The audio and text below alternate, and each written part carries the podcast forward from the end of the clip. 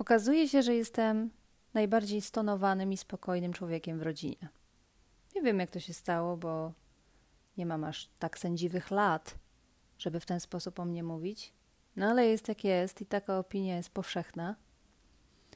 I kiedy się tak głębiej nad tym zastanowiłam, okazało, okazało się, że jest w tym trochę racji. I, co najśmieszniejsze, że chyba wiem, skąd to się wzięło. Otóż z moich analiz wynika, że wszystkiego nauczyła mnie moja matka. Wiecie, ja ją bardzo kocham. No wiadomo, jak to jest. Dziecko kocha swoją matkę. No jeżeli matka nie porzuciła go na śmietniku, ani nie zapomniała o nim na 20 lat, no to kocha się swoją matkę. Ja też swoją kocham. Z pewnymi limitami. To znaczy do momentu, kiedy nie najdzie mnie ochota, żeby ją zamordować, i przed morderstwem powstrzymuje mnie tylko to, że będę siedzieć bardzo długo w więzieniu, a więzień nie lubię. I uwierzcie mi, bywam w nich często, więc wiem jak jest i nie polecam. Czasem jest po prostu tak, że mam ochotę, że mam ochotę powiedzieć jej, co myślę, ale to tak powiedzieć, że wiem, że już się więcej do mnie nie odezwie. No ale tego nie robię. 30 lat mojego życia nauczyło mnie jednego – że w jej wieku to już nie czas na reformę. A reformy powinny być duże. Otóż względem mnie, mimo że moja matka, matka potrafi się odnaleźć praktycznie w każdej sytuacji z y, wszystkimi ludźmi, jest duszą towarzystwa, ona względem mnie potrafi być tak taktowna jak niegdyś minister Waszczykowski. No nie przepuści mi. Czasem obraża mnie tak wybitnymi epitetami, że z jednej strony chciałabym jej pogratulować elokwencji, ale z drugiej strony mam ochotę wyjść i trzasnąć drzwiami, bo na taką pseudogratyfikację nikt nie zasługuje. Ale ona nauczyła mnie opanowania. Nauczyła mnie tego, że jest między nami tak duża różnica wieku, bo jest to 30 lat, że ona niewiele wie o moim życiu, chociażby przez to, że jej życie było diametralnie różne, ale też ja niewiele wiem o tym, w jakiej ona sytuacji się znajduje. Oczywiście lubimy ze sobą rozmawiać. No wiecie, jak jest. Matka zwierza się córce, córka matce. Jakoś pchają ten wózek razem do przodu. Ale przychodzą takie momenty, że ona wie lepiej. Nawet jeżeli nigdy nie znalazła się w takiej samej sytuacji albo chociażby podobnej – nawet jeżeli absolutnie nie ma pojęcia, co jest w mojej głowie, ona wie lepiej. I tak było zawsze. Kiedy byłam w przedszkolu, wiedziała, że nie zjadłam śniadania, chociaż je zjadłam. Kiedy byłam na studiach, wiedziała, że tam chleję, a piłam naprawdę bardzo mało. Musiałam się uczyć. Nie musicie mi zazdrościć. Kiedy byłam w pracy, wiedziała więcej e, o mojej pracy, o tym, ile pracuję, ile zarabiam, gdzie pracuję i z kim się wtedy spotykam, mimo że nie wiedziała absolutnie nic. I próbowałam wielu sposobów. Próbowałam mówić jej wszystko, próbowałam nie mówić jej niczego, próbowałam dzwonić rzadziej, próbowałam częstszego kontaktu, ale zawsze jest tak samo. Przychodzą takie momenty, kiedy ta kobieta doprowadza mnie do szału ale tych momentów jest coraz mniej. Okazuje się, że z mojej perspektywy starość nie jest aż tak straszna, bo zaczyna się rozumieć drugiego człowieka. Dochodzisz do wniosku, że tłumaczenie nie ma sensu, że mówienie wcześnie o planowanym gdzieś tam w przyszłości urlopie oznacza co trzeci dzień gadkę o tym, że w Polsce jest tyle pięknych miejsc, że nie warto wydawać tyle pieniędzy na dalekie podróże, że przecież nie byłam jeszcze wszędzie w Polsce, więc warto zobaczyć swój kraj od drugiej strony, e, że jest pandemia. Nieważne, że jestem zaszczepiona. Tak, jestem, możecie wieszać na mnie psy albo dawać ordery, nieważne. Ale za każdym razem ma dla mnie jakąś cudowną radę.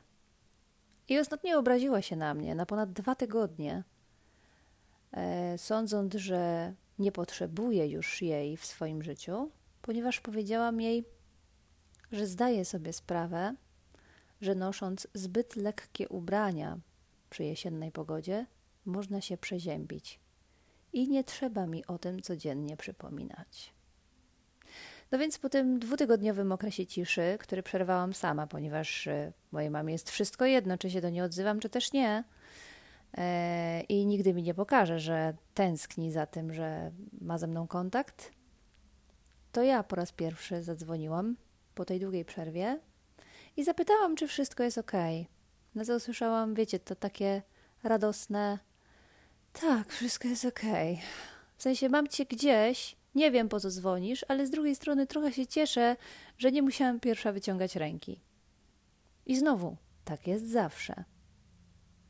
Moi znajomi, którzy znają moją mamę, uważają, że jest fantastycznym człowiekiem. Bo tak, jest fantastyczna. Natomiast przypomina mi się taki mem.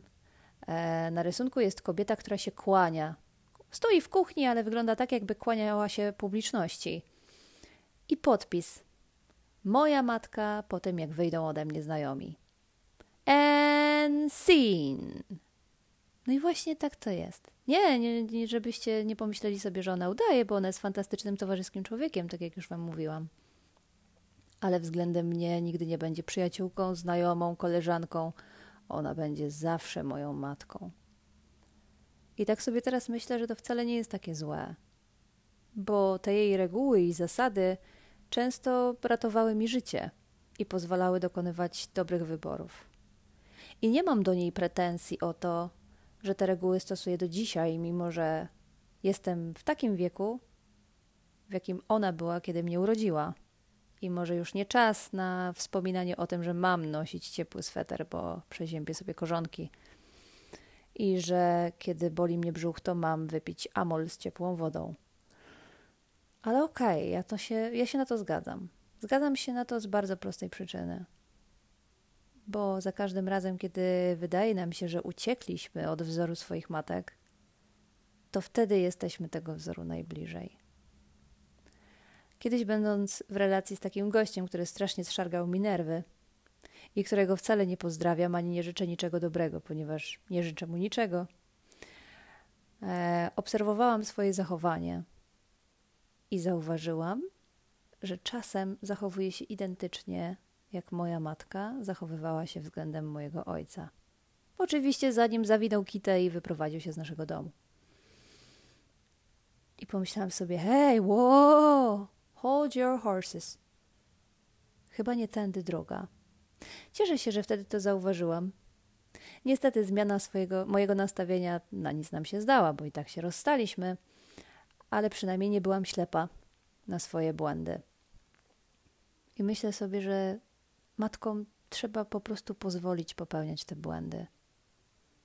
Wiecie, do pewnego czasu można się tłumaczyć tym, że miało się kiepskie dzieciństwo, że ktoś cię lał albo że ktoś cię nie szanował, ale w pewnym momencie stajemy się naprawdę dorośli.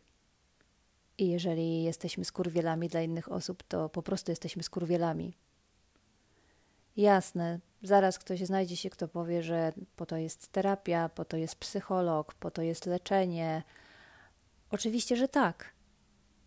Ja nie neguję tych sposobów. Mówię wyłącznie o własnych doświadczeniach, że w pewnym momencie zrozumiałam, że muszę przestać się tłumaczyć. Jasne, popełniłam w życiu bardzo wiele błędów.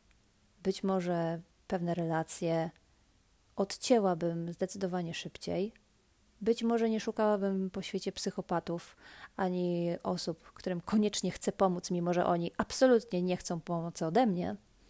Być może nie próbowałabym nikogo nawracać na dobrą drogę, być może nie świeciłabym przykładem, tylko dała sobie trochę luzu. Ale to wszystko zrozumiałam po latach. Zrozumiałam też, że w życiu nie trzeba mi chaosu. Ja się w życiu naoglądałam zajebiście dużo chaosu. To było dla mnie naturalne środowisko. Bez chaosu nie umiałam się odnaleźć. Kiedy słyszałam awantury, kiedy słyszałam krzyki, kiedy słyszałam jazgot, Wtedy czułam się jak ryba w wodzie, bo to było moje naturalne środowisko. I w pewnym momencie zrozumiałam też, że nie, że to nie jest okej. Okay. I dotarło do mnie, że jasne, było cholernie ciężko, ale teraz odpowiadam sama za siebie i to ja decyduję. I to, czy moja matka udzieli mi rady, czy też nie, jest drugoplanowe względem tego, co sama postanowię. I wtedy postanowiłam jej nie reformować. Wtedy postanowiłam to znieść Zrozumiałam też, że to, o czym mówi się w psychologii, to znaczy o takim podświadomym sabotażu matek względem córek, e, które nieświadomie i kamuflując to troską i miłością, podkładają im kłodę pod nogi, bo trochę jednak tym córkom zazdroszczą. Może i zazdroszczą, może i podświadomie je sabotują, ale jednak je kochają. Dlatego dałam też swojej mamie trochę luzu. I coraz rzadziej chcę ją zabić. I coraz rzadziej chcę trzasnąć drzwiami. Bo wiem, że ona przeżyła coś innego, ja przeżywam coś innego. I mogę ofiarować jej to, że ją wysłucham, wysłucham tego, co ma mi do powiedzenia, wysłucham tych rad, których nie potrzebuję, bo a nuż coś mi się przyda. Ale nie mam żadnych wyrzutów sumienia idąc drogą po swojemu. Idźcie po swojemu. Nikogo innego z tego nie rozliczą, tylko was. Cześć.